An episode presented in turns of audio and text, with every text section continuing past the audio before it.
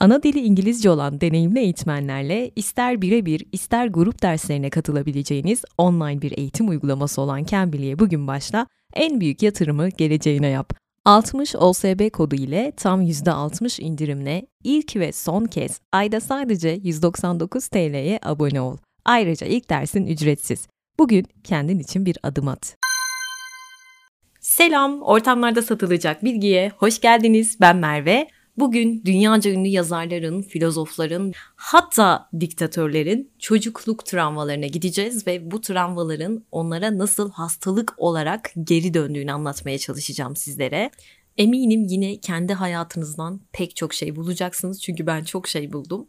E, bir de şunu amaçlıyorum bu podcast'te. Bazen böyle çok büyük olaylar yaşıyoruz. Bazen çocukluk travmalarımız olabiliyor. Ama bunları görmezden gelmeye, halının altına süpürmeye, sanki hiç yaşanmamış gibi yolumuza devam etmeye çalışıyoruz. İşte bu noktada bir takım sorunlar çıkıyor. Bunlar bilinçaltı dediğimiz yerde bir şekilde depolanıyor ve biz normal hayatımıza devam ettiğimizi zannederken aslında etmiyoruz. Bugün ünlü psikanalist Alice Miller'ın bir sözüyle açmak istiyorum bu podcast'i. Hani demiş ya, üzerini örttüğünüz her şeyin altında kalırsınız. İşte bugün bu mevzuları konuşacağız ama bunları konuşurken Dostoyevski'nin, Kafka'nın, Çehov'un, Nietzsche'nin, James Joyce'un, Marcel Proust'un, Virginia Woolf'un ve Rimbaud'un çocukluklarına ineceğiz bugün. Hatta onların travmalarını, varoluş mücadelelerini de konuşacağız ve ben onları anlatırken eminim sizler de kendinizden bir şeyler bulacaksınız ve onların bastırdığı, inkar ettiği şeylerin bedenlerini, hayatlarını nasıl etkilediğini anlatmaya çalışacağım. Çocukluklarında suistimal edilen bu önemli kişilerin kimi kendinden nefret etmiş, kimi acılarını inkara gitmiş, kimi anılarına ihanet etmiş ve kimi öylesine sevgiden mahrum kalmış ki ki bu da bir suistimal çeşididir. Hayatı boyunca bir gün o sevgiyi bulabileceklerini düşünmüşler. Alice Miller diyor ki buraya dikkat. Çocukluklarında suistimal edilen insanlar, bakın sevgi de olabilir bu, başka şeyler de olabilir ama sevgi de var bunun içerisinde. Genellikle hayatları boyunca bir gün o mahrum bırakıldıkları sevgiyi yaşayabileceklerini umarlar. Geçen hafta Doğan Cüceloğlu'nda bahsetmiştim. Aynısını söylemişti. İşte bu beklentiler var ya ebeveynlerimize olan bağlılığımızı pekiştiriyormuş. Yani ömür boyu ben sevi sevileceğim ya bir gün bunu umuyorum. Beklenti işte bu. Bunu umuyorsun ömür boyu ve bağlılığın da pekişebiliyor bu durumda. Tam tersi de olabilir. Bu bağlılığa dinde sevgi, erdem diyoruz değil mi? Erdemmiş gibi görünüyor. Halbuki değil. Bunlar aslında geleneksel ahlak.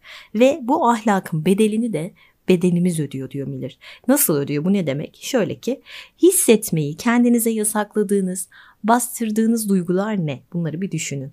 Ve bu duygular sizi eninde sonunda bir şekilde bulup hasta edecektir diyor. Diyelim ki anne ve babanızı sevemiyorsunuz. Hayatınızı mahvetmişler ama yine de geleneksel ahlak kurallarından dolayı bir şekilde rol yapıyorsunuz mış gibi yapıyorsunuz. Yani seviyormuş, sayıyormuş rolü yapıyorsunuz. Halbuki yalan. Yani bunu kalbiniz biliyor ama diliniz söylemiyor. Çünkü hakiki duygular asla zorla hissedilmez. Gerçek duygular zorla hissedilmez. Ve siz bu duyguyu bastırmaya çalışıyorsunuz. Sonra o bir yerden hastalık olarak yükseliyor diyor. Çünkü Beden asla yalan söylemez diyor Miller aynı isimli kitabında. Şimdi her biyografi podcastinde hep anlattığım kişilerin çocukluğuna iniyorum önce ve bugün anlatacağım ünlü şahısların da ineceğim. Ama başlamadan önce size beni çok etkileyen Alice Miller çıkarımlarından bahsedeceğim ki kafamızda bu konular daha iyi otursun. Hepimiz hayata geldiğimiz günden beri ebeveynlerimizden bir şekilde sevgi bekliyoruz, şefkat, dikkat, ilgi, iletişim bunları bekliyoruz bunları sağlıklı bir şekilde alanların çoğu hayatlarında böyle daha iyi bir yol çiziyorlar. Gördüğümüz kadarıyla öyle. Sevgi dolu yetişkinler oluyorlar. Çocuklarını da o şekilde eğitiyorlar. Ne güzel, ne hoş. Peki bunları temin edemeyenler işte onlar hayatları boyunca ilk hayati ihtiyaçlarının tatmin edilmesine dair bir özlemle baş başa kalıyorlar ne yazık ki ve hayatlarının geri kalanında bu özlem başka insanlara yöneliyor bir şekilde. Çocukken ne kadar sevilmediysen, ne kadar kötü muamele gördüysen yetişkin olduğunda o sevgiyi vermeyen ana babana o kadar bel bağlıyorsun. Neden? Çünkü bedeniniz tam olarak neye ihtiyaç duyduğunuzu, neyden mahrum kaldığınızı aslında biliyor. Bunları asla unutmuyor. Oraya kodluyor. Ve orada bir mahrumiyet varsa o bir şekilde doldurulmayı bekliyor. O boşluk hep orada duruyor. Ne kadar acı değil mi? İşte çocukken senden ne esirgendiyse sen hayatın boyunca yana döne aslında onu arıyorsun. Çünkü çocukluk örüntüleri çok önemli. Hayatımızın mutlaka bir evresinde bir yol buluyor, bir çatlak buluyor. Dışarı süzülüp çıkıyor. İşimizde, günlük hayatımızda hatta siyasette bile mesela diktatörler ya da insanları hor görenler bunlar çocukken hiç saygı görmemiş insanlar ve daha sonra o yarattıkları devasa kudretin yardımıyla aslında böyle bir saygı kazanma çabasına giriyorlar. Her şeyi yapıyorlar. Siyaset dünyası dediğimiz arena aslında güç ve sayılma açlığının kesinlikle duyurulamadığının mükemmel bir örneği bence. İşte bu insanlar ne kadar güç kazanırsa kazansın kesinlikle yetmiyor. Çünkü o en baştaki o çocukluktaki acizlik duygusu tetikleniyor bir şekilde. Mesela Hitler, Mao, Stalin, Napolyon, Saddam bunlar aslında kaçmaya çalıştıkları o çocukluklarındaki o yetersizlik duygusu var ya iktidarsızlıktan dolayı o duygularını yeniden canlandıracak eylemlere girişiyorlar ve bu kadar cesur oluyorlar. Ve sonunda o elde ettikleri o korkunç güçle yine kendi sonlarını kendileri hazırlıyorlar dikkat ettiyseniz. Neden? Çünkü bedenleri çocukluklarında hissettikleri o iktidarsızlığı, o acizliği sakladı, bastırdı ve onlar bununla asla yüzleşmek istemedi. Uçurumlarına bakmamak için, korkularıyla yüzleşmemek için ne yaptılar? Milyonlarca insanı yok etmeyi tercih ettiler. Diktatörler bunu yaptılar. insanlardan çıkardılar o çocukluklarının acısını.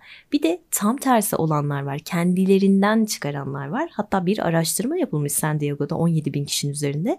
Çocukluğunda suistimale uğrayanların, suistimal derken tekrar ediyorum sevgisizlik, saygısızlık bunlar da olabilir. Yani bir çocuğun ihtiyaç duyup da alamadığı manevi şeyleri kastediyorum. Bu insanların yetişkin hayatlarında diğerlerine göre daha çok hastalandığı tespit edilmiş.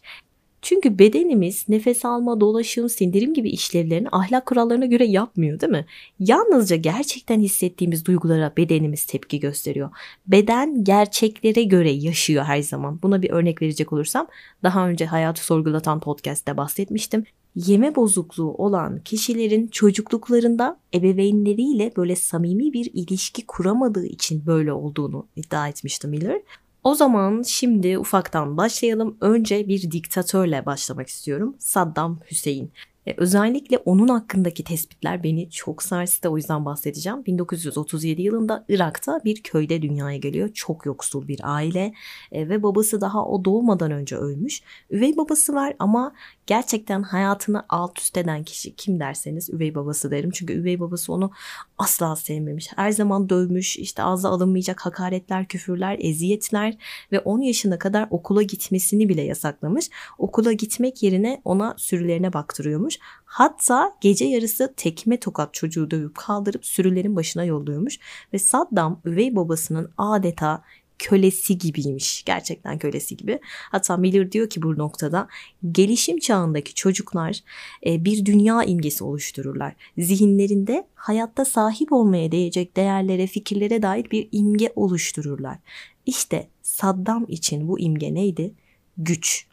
Neden güç? Çünkü üvey babasının zulmü küçücük bir çocuk güçsüz onun karşısında ve muhtemelen Saddam Hüseyin'in beyninde onun üvey babasının üstünde sahip olduğu güç ve hakimiyetin aynısını başkalarının üzerinde sahip olduğunu düşündü. Bunu arzuladı. Çünkü bu şekilde o mahrum kaldığı insanlık şerefini, insanlık haysiyetini tekrar kazanabilecekti.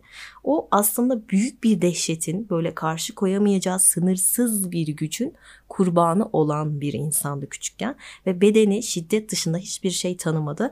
Yalnız enteresan olan bir durum var. Şöyle ki e, Saddam emrinde muazzam maddi kaynaklar olmasına rağmen bu saklanacağı zaman nereye gitti? Çocukluğunun geçtiği bu kötü yere gitti. Neden?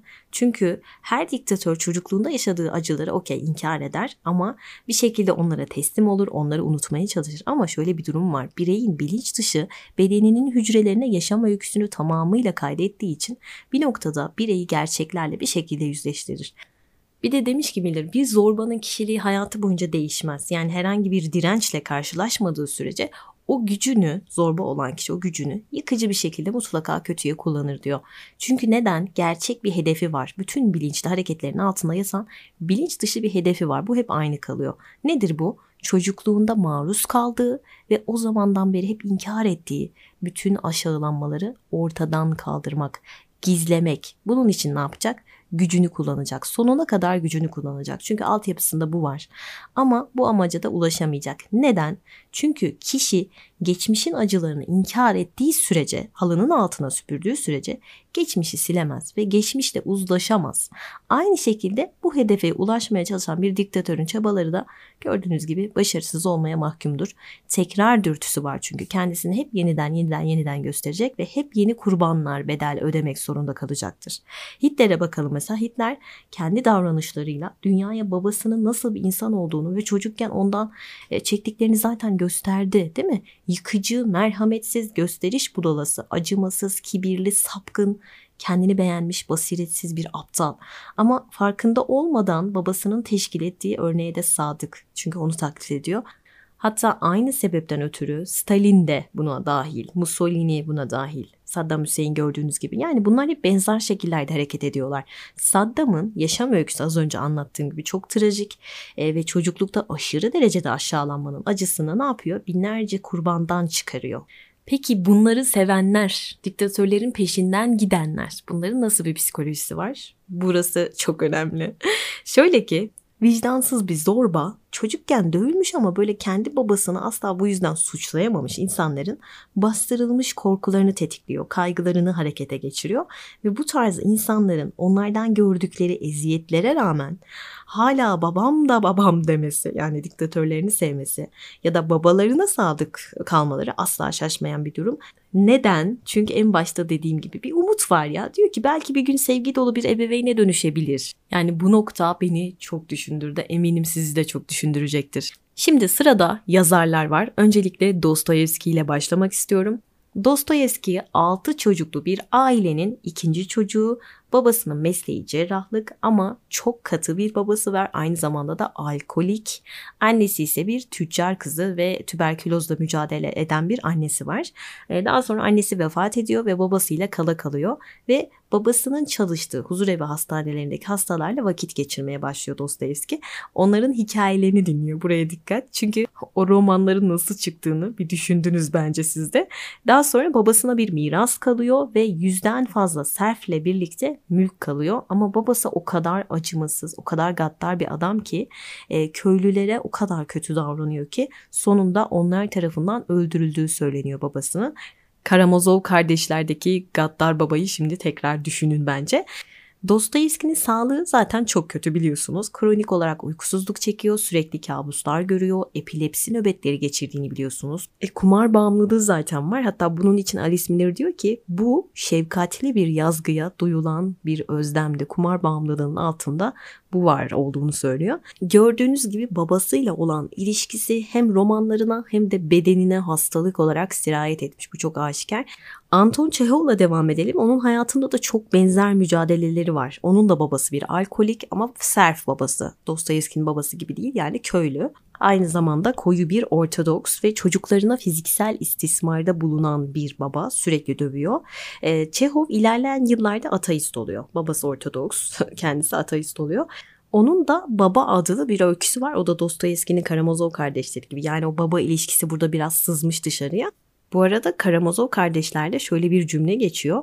Babalar çocuklarınızı incitmeyin. Çehov'un baba öyküsünde de şöyle bir durum var. Oğullarının yardımıyla geçinen ve onların başarılarından duyduğu şerefin tadını çıkaran bir ayyaş var baba. Ve bu Ayyaş oğullarına karşı hiç şefkat beslemiyor. Yani Çehov'un babası aslında bu. Bütün oklar onu gösteriyor. Dönelim Çehov'a. Onun da bir abisi var adı Nikolay. O da aynı yollardan geçmiş. Çehov abisiyle aynı acıları paylaşıyor ve babasına karşı durmak yerine bu insanlar hayatı boyunca ona maddi destekte bulunmaya çalışıyorlar. Hatta Çehov ailesine, kardeşlerine falan bayağı bakmış.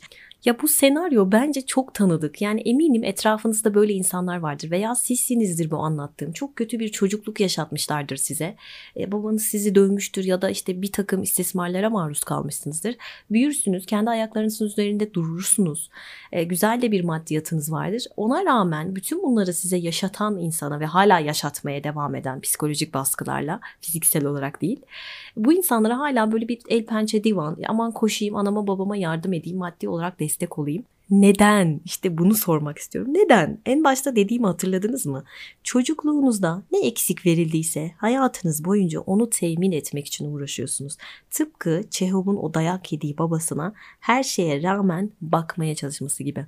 Çehov 30'lu yaşlarında bir adaya gidiyor ve burada sürgün edilmiş insanlar var, hükümlüler var. Bunlar işkence görüyorlar, hayatları bitmiş bir durumda. Onların hayatını anlatmak için gitmiş güya. Neden peki? kendisi de onlardan biri olduğu için olabilir mi? Ben demiyorum. Psikanalist Miller diyor. Bence bu çok çarpıcı bir iddia. Üzerine düşünülesi bir iddia. E daha sonra da tüberkülozdan çok genç yaşta öldü. Abisi de aynı şekilde. E, ve Marty kitabında demişti yani neden hep karalar giyersiniz siz? Hayatımın yasını tutuyorum demişti. Şimdi bence bu cümle daha anlamlı. Gelelim Kafka'ya. Kafka içinse yazarak hayatta kaldı demiş Miller. Eğer yazmasaydı daha erken ölebilirdi belki. Daha önce tavsiye ettiğim bir Kafka kitabı vardı hatırlarsanız. Babaya mektup. Hep diyorum ya Kafka'yı yakından tanımak isteyenler bence onu okusun diyorum. Hatta orada şöyle bir cümlesi vardır Kafka'nın. Senin omzunda ağlayamadığım için yazılarımın omzunda ağladım der o mektuplardan birinde çok çarpıcı. E, ve o mektupları annesine vermiştir Kafka. Bunları babama ilettiği ama annesi hiçbir zaman bunu yapmıyor ve Kafka dolayısıyla hiç babasıyla yüzleşmemiş bir çocuk hatta genç. E, Kafka'nın babası çok merhametsiz, zorba bir adam, baskıcı, mesafeli, soğuk, Gregor Samsa'yı hatırlayın. Oradaki o baba karakterini hatırlayın. Ailenin Gregor'a yani o böceğe olan tavrını hatırlayın. Bence daha net oturacaktır kafanızda. Bu Babaya Mektuplar kitabında da e, dikkat edin Kafka böyle sanki küçük bir çocuk gibidir. O mektupları küçük bir çocuğun dilinden yazıyormuş gibidir. Ve Kafka'nın babası dev bir iktidar gibidir o evin içerisinde. Onun karşısında daima kendini aciz hissetmiştir, aciz kalmıştır ya bu arada bu kitabı bütün babalara böyle zorla okutasım var öyle bir kitap. Neyse Kafka babasıyla dediğim gibi hiç doğrudan yüzleşemiyor ve o yüzden mektuplarla kendini ifade etmeye çalışıyor. Çünkü cezalandırılma korkusu var içinde bir yerlerde. Kafka da tıpkı Çehov gibi ölüyor. Tüberkülozdan ölüyor 40'lı yaşlarının başında. Bu arada hastalıkların ruhsal nedenlerinde tüberkülozun karşılığı öcü alma ihtiyacıdır. Çok enteresan. E, hükmedici, sadist düşünceler olarak geçiyor. Babaya Mektup kitabında Kafka şöyle bir cümle kullanmış. Diyor ki, kimi gün dünya haritasını gözümün önüne getiriyorum. Sonra da üzerine seni uzatıp düşünüyorum.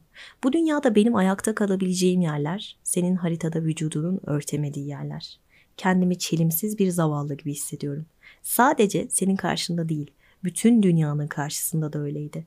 Çünkü benim için her şeyin ölçütü sendin. Ve bir yerde demiş ki kendimi bildim bileli zihinsel varlığımı ortaya koyabilmek için öyle derin acılar çektim ki bunun dışında hiçbir şey umurumda olmadı. Yani diyor ki varlığımı ortaya koydum. Beni gör baba. Şöyle kısaca Nietzsche'den de bahsetmek istiyorum. O da en son aklını yitirdi biliyorsunuz ki. Gençliğinde zaten çok şiddetli başarıları çekiyordu. Bunların bastırılmış güçlü duygulardan mütevellit olduğunu söylüyor Miller. Yani bir yerlerde o duygularınızı bastırıyorsanız başarısı olarak çıkabilir diyor. Ama sıkıntısının esas nedeninin günlük hayatını yöneten sahte ahlak olduğunu iddia etmiş Alice Miller ve Nietzsche kendi hakikatine kör kaldığı için aklını yitirdi diyor. Aslında gördüğünüz gibi bütün bunların sebebi yani hastalıkların genellikle bedenin hayati işlevlerinin sürekli görmezden gelinmesinden ötürü olduğunu söylüyor. Şimdi tam burada bir es veriyorum. Malum konumuz çok ağır. Şöyle derin bir nefes alalım. Çünkü az sonra İngiliz edebiyatının en önemli başat ve feminist yazarlarından Virginia Woolf'e geçeceğim. Virginia Woolf'un kalemini çok seven okurlar var biliyorum. Ama böyle benim gibi İngilizcenizi geliştirmek istiyorsanız Woolf'un Deniz Feneri The Lighthouse kitabını tavsiye etmiş olayım. Çünkü 20. yüzyılın en etkili İngilizce romanlarından biri olarak kabul ediliyor. Cambly Kids ile 4-15 yaş aralığındaki çocuklar tamamı ana dili İngilizce olan en kaliteli eğitmenlerle birlikte İngilizceyi kalıcı olarak öğreniyorlar. Şu anda Cambly Kids'te yılın en büyük indirimi var. 60 OSB Kids kodu ile %60 indirimden faydalanın. Çocuğunuza özgüvenli İngilizce konuşma becerisi hediye edin. Hadi devam edelim. Gelelim Virginia Woolf'e Çocukluğundan ergenliğine kadar üvey erkek kardeşlerinin cinsel istismarına maruz kalmış Wolf. Hatta 24 ciltlik bir günlüğü var. Orada bunları yazmış. Ama anne ve babasına kesinlikle bunu anlatamamış. Çünkü onlardan destek görebileceğini hiç düşünmemiş. Onun da zaten hayatı boyunca tekrar eden depresyonları var biliyorsunuz ve bunun üstesinden roman yazarak gelmeye çalışmış. Tıpkı Kafka'nın e, kendini iyileştirmeye çalışması gibi. Ama 1941 yılında maalesef depresyonuna artık yenik düşüyor, eşine bir mektup yazıyor ve cebine taşları doldurarak kendisini dereye atıyor, boğularak ölüyor. Şimdi Luis de Salvo diye birisi var. Kendini Virginia Woolf'a adamış bir yazar. Bu duruma şöyle bir açıklık getiriyor. Diyor ki Woolf bunları yaşadı ama güvenebileceği, anlatabileceği hiç kimse yoktu ve o da bu noktada Freud'un yazılarından faydalanmak istedi. Ama Freud ona hiç iyi gelmedi. Evet yani kendisi ve kız kardeşi üvey erkek kardeşleri tarafından cinsel istismara uğramıştı ama o öyle bir noktaya geldi ki bunu inkara geçti ve anılarına ihanet etmeyi seçti. Kendi gerçekliğinden şüphe etti Virginia Woolf. Çünkü e, Freud'un kuramlarını takip ediyor. Freud da onun kafasını karıştırıyor. Yani daha önceleri Wolf depresif durumunu çocukluğundaki bir e, enses mağduriyetine bağlarken Freud sonrası belki de dedi benim bu anılarım gerçek değil. Belki bunlar benim e, arzularımın bir neticesiydi. Belki bunlar bir hayal ürünüydü işte bu noktadan sonra anne ve babasını daha fazla idealize etmeye başladı. Olaylara pembe bir gözlüğün arkasından bakmaya çalıştı ve bu daha önce onun hiç yapmadığı bir şeydi. Hatta bir ara deli olduğunu bile düşündü ve en sonunda intihar etti. Sırada Victor Hugo'nun küçük Shakespeare dediği şair Arthur Rimbaud var. Sembolizmin en büyük temsilcilerinden geleneksel şiiri yıkan, modern şiiri kuran adam. 37 yaşındayken sağ bacağı kesiliyor ve birkaç ay sonra da kanserden dolayı ölüyor. Rimbaud'un yaşam öyküsü hani en başta demiştim ya beden erken dönemde neyden mahrum kaldıysa mutlaka o besini arıyor demiştim. İşte sevgi, şefkat, iletişim her neyse bunu bir ömür boyunca arıyor demiştik. Onun hikayesi aslında bu tanıma çok uyuyor. Hayatı boyunca annesinin hırsıyla, annesinin e, otoritesiyle, baskısıyla, bağnaz dindarlığıyla uğraşmış bir isim Rimbaud ve onunla olan ilişkisini bir esaret olarak tanımlıyor annesiyle ilişkisini. Annesi kendisinin ve kardeşlerinin üzerinde daima bir hakimiyet kurmanın peşinde ve bunu anne sevgisi olarak göstermeye çalışıyor çoğumuzun annesi gibi. Ama Rimbaud bunun bir yalan olduğunun farkında. Yine de her ne olursa olsun bir yanılsama bile olsa bir anne sevgisine ihtiyaç duyuyor ve ondan nefret etmemesi gerektiğini düşünüyor. Ve bu nefreti en sonunda kendisine yönlendiriyor. Hayatı boyunca bu duygulardan kaçmaya çalışıyor. Hatta iki kere de evden kaçmayı deniyor ama yakalanıyor. Daha sonra kendini alkole veriyor, uyuşturucuya veriyor. Bir ara Van Gogh gibi absenta düşüyor ve aslında e, Rimbaud'un şiirleri bence kendisine duyduğu nefreti bir şekilde yansıtıyor. Hatta daha da ötesi çocukluğunda mahrum kaldığı sevgiyi aramasını da görüyoruz orada.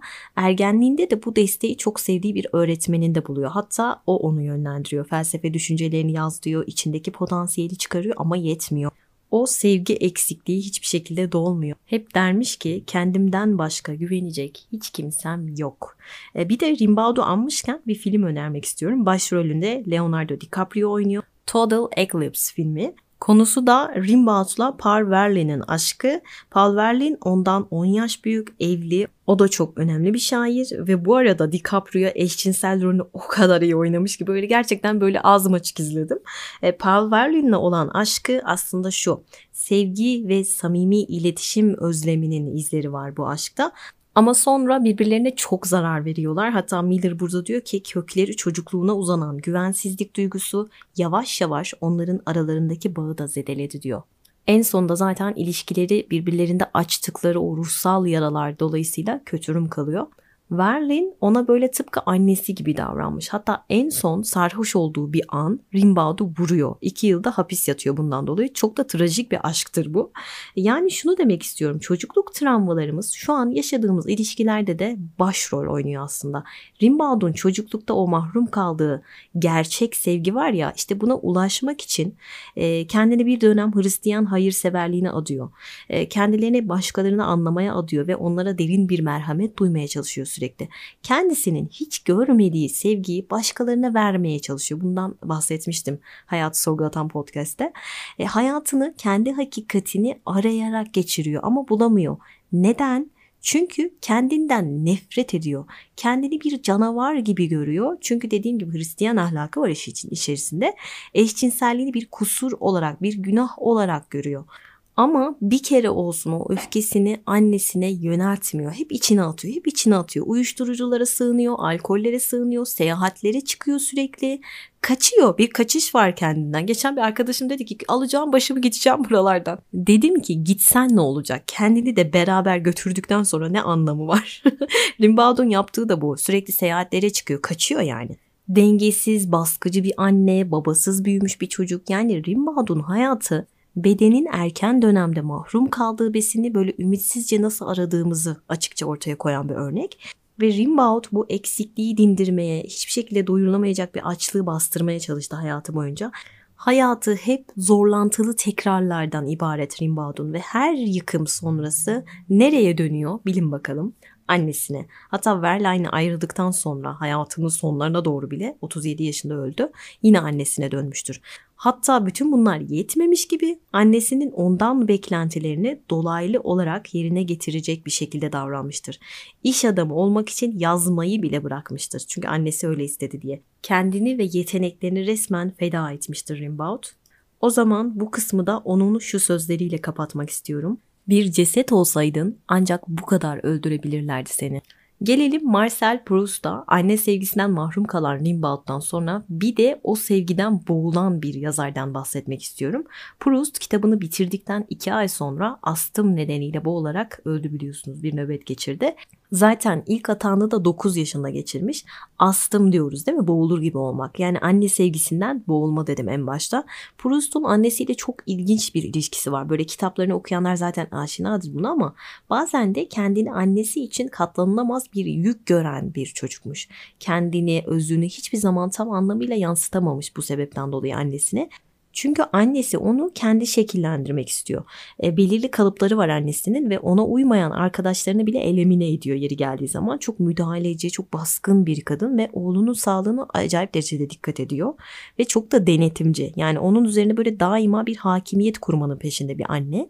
E, Proust bazen buna çok direniyor ama çoğu zaman da karşı koyamamış. Yani süklüm püklüm bir adama dönüşmüş.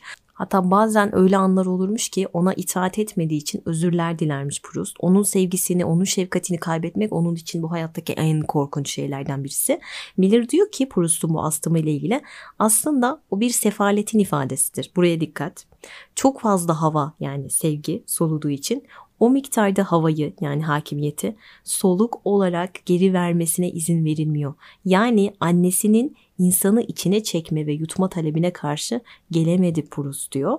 E, ve yıllarca fiziksel olarak eziyet çekmiş. Çünkü insanı bunaltan baskın, talepkar bir anne var yani karşısında ve bununla asla bilinçli olarak yüzleşememiş ve Marcel'in bedeni için annesinin idaresi ve bunaltıcı kaygısı e, asla samimi bir sevgi ifadesi değilmiş yani korkunun belirtisiymiş ve annesi onun özgürlüğünü ve hatta ruhunu bile bir tehdit olarak gören bir anneymiş.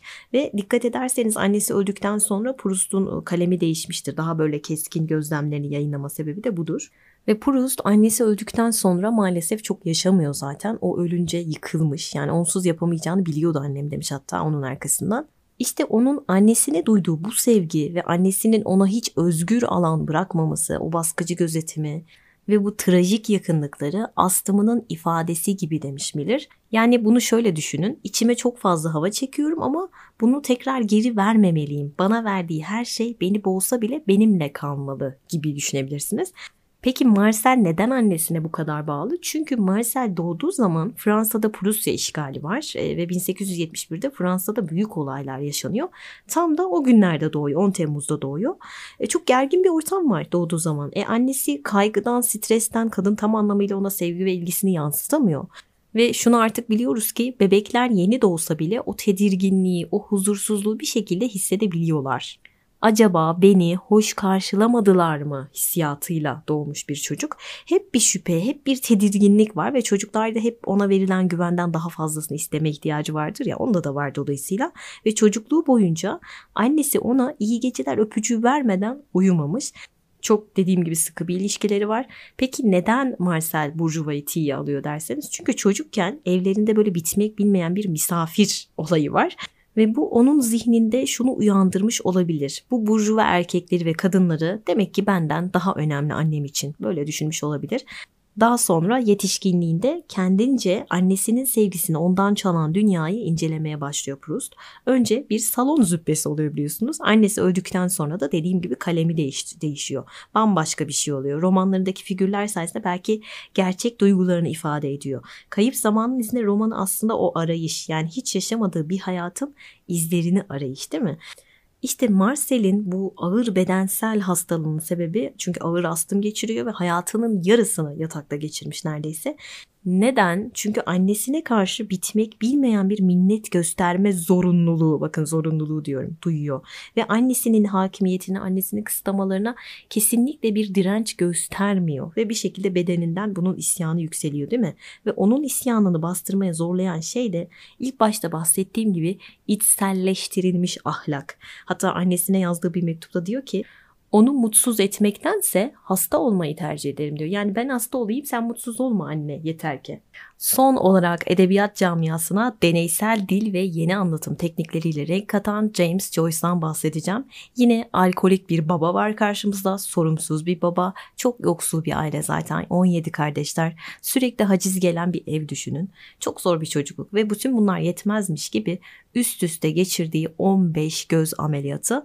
Miller bunun için diyor ki görmesine ya da hissetmesine izin verilmeyen şey tam olarak neydi? Yani görme ile alakalı problemlerde sorulan soruya bakar mısınız? Görmenize ya da hissetmenize izin verilmeyen şey neydi? James Joyce babası öldükten sonra bir mektup yazıyor ve orada şöyle söylüyor. Babam bana çok düşkündü. İşte o tanıdığım en ahmak adamdı ama çok da kurnazdı. Ona bayılıyordum. Kitaplarımdaki yüzlerce sayfayı ve karakterlerimi hep babama borçluyum. Onun zekası, yüz ifadesi beni böyle çok sıklıkla kahkahaya boğardı demiş. Şimdi bu mektupta fark ettiyseniz her şey böyle güllük gülistanlık. Babasını çok idealize etmiş değil mi? Fakat yıllar sonra eşine yazdığı bir mektupta ki bu arada yıllarca evlilikten de kaçmıştır. Kendisiyle çelişecek şekilde şöyle demiştir. Aile evi fikrini nasıl sevebilirim ki? Annem bence babamın kötü muamelesi, yıllar süren sıkıntılar ve benim alaycı dürüstlüğüm yüzünden yavaş yavaş öldü. Tabutta yatarken yüzüne, gri ve kanserden bitmiş yüzüne baktığım zaman bir kurbanın yüzüne baktığımı anladım ve onu bir kurban haline getiren sisteme lanet ettim. Sisteme yalnız dikkatinizi çekerim. İdealize edilmiş babaya değil diyor Alice Miller. Ve ailede 17 kişiydik. Erkek ve kız kardeşlerim benim için hiçbir şey ifade etmiyorlar.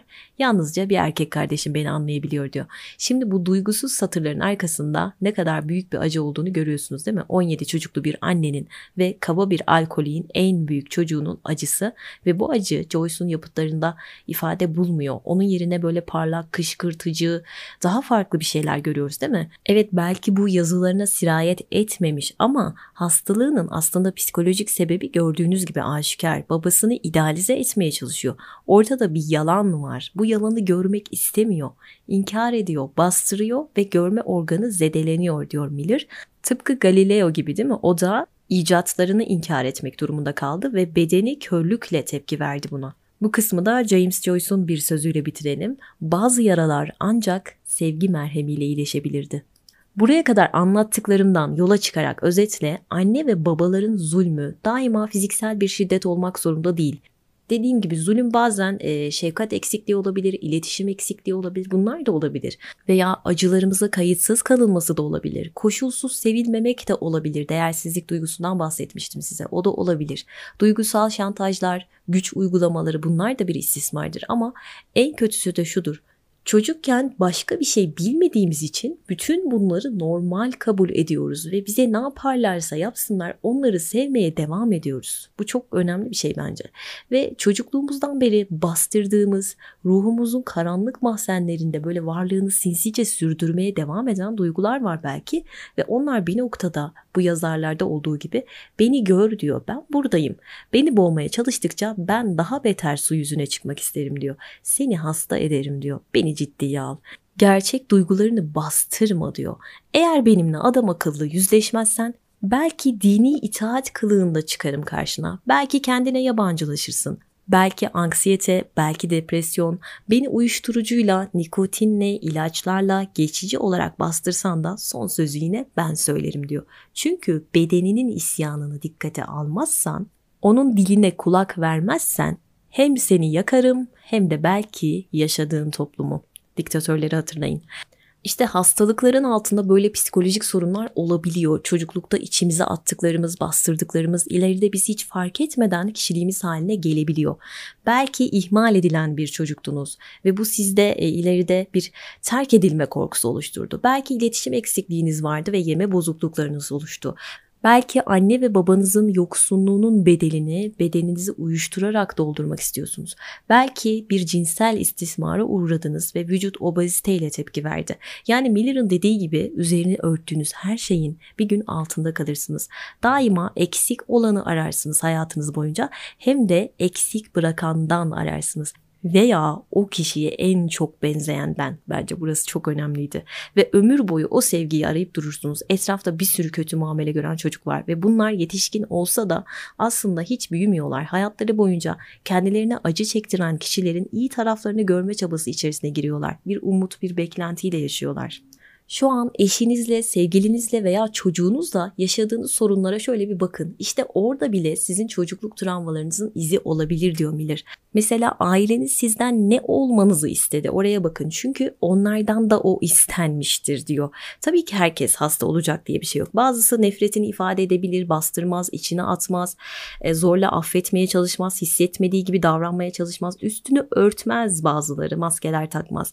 Yani gerçek duygusu neyse onu ifade eder ve onu yaşar. Beklentilerine göre yaşamaz insanların.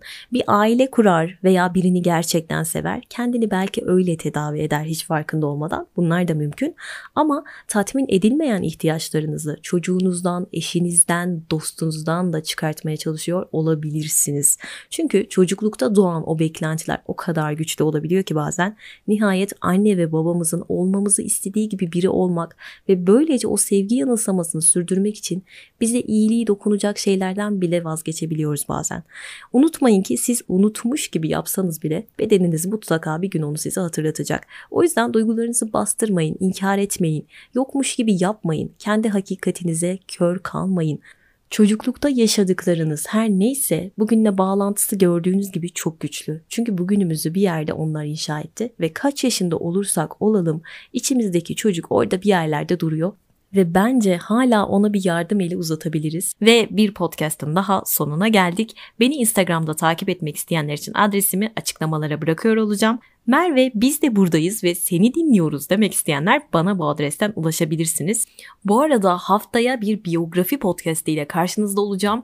Çok istediğiniz birinin biyografisi. Sürpriz olsun. Ha bu arada beni hangi platformdan dinliyorsanız takip etmeyi ve bildirimlerinizi açmayı unutmayın ki hemen yeni podcastler gelince görebilirsiniz. Bir şey diyeceğim görebilirsiniz ne ya? Neyse kapatıyorum. Cambly'de ilk defa tüm ürünlerde geçerli %60 indirimi kaçırmayın. Cambly'nin %60 indiriminden yararlanmak için 60 OSB kodunu, Cambly Kids'in %60 indiriminden yararlanmak için ise 60 OSB Kids kodunu kullanarak hemen abone olabilirsiniz. Sınırlı sayıda kişi için geçerli. Bu büyük indirimi kaçırmayın.